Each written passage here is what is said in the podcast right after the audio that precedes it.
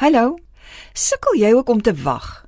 Jy weet, daardie wag in 'n lang tou by binnelandse sake, of die bank of by die winkel of by die verkeerslig wat voel of dit nooit gaan oorslaan nie, of selfs die 9 maande wag vir die baba om te kom.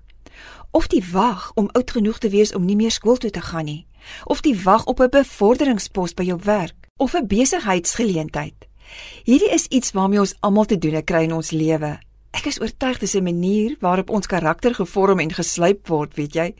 Dis net so eenvoudig. As jy rustig raak in jou situasie en God vertrou, dan gaan jy en almal rondom jou rustig wag.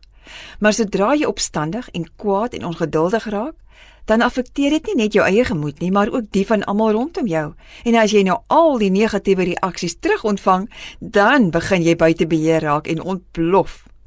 Ai, onthou jy Abraham se storie? Die vers in Romeine 4 vers 21 is vir my altyd so bemoedigend. Daar staan: Abraham was ook ten volle daarvan oortuig dat God mag het om te doen wat hy beloof het. Abraham is vir ons 'n toonbeeld van 'n ou wat gelowig en tyd op die Here bly wag het. God het vir hom 'n groot nageslag beloof, meer as die sterre in die hemel. Maar hy het sy eerste en enigste kind gehad eers toe hy 'n 100 jaar oud was. Jy sien, Abraham was so lief vir God dat hy selfs toe alles hopeloos gelyk het, nog bly glo dat hy die pa van baie volke sou word. God het gesê hy sou 'n groot nageslag hê. En alhoewel hy nie geweet het hoe God dit gaan doen nie, het hy geweet dit sal so wees. God het dit beloof en hy het dit geglo.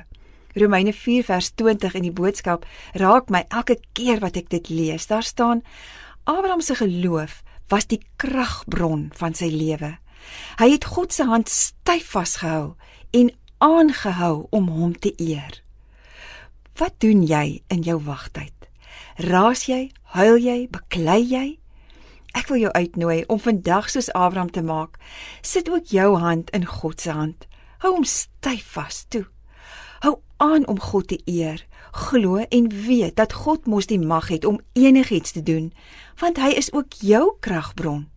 Ons sukkel met Eskom in die land, maar by God is daar ewige krag wat nooit opraak nie. Kom ons sê vir hom dankie.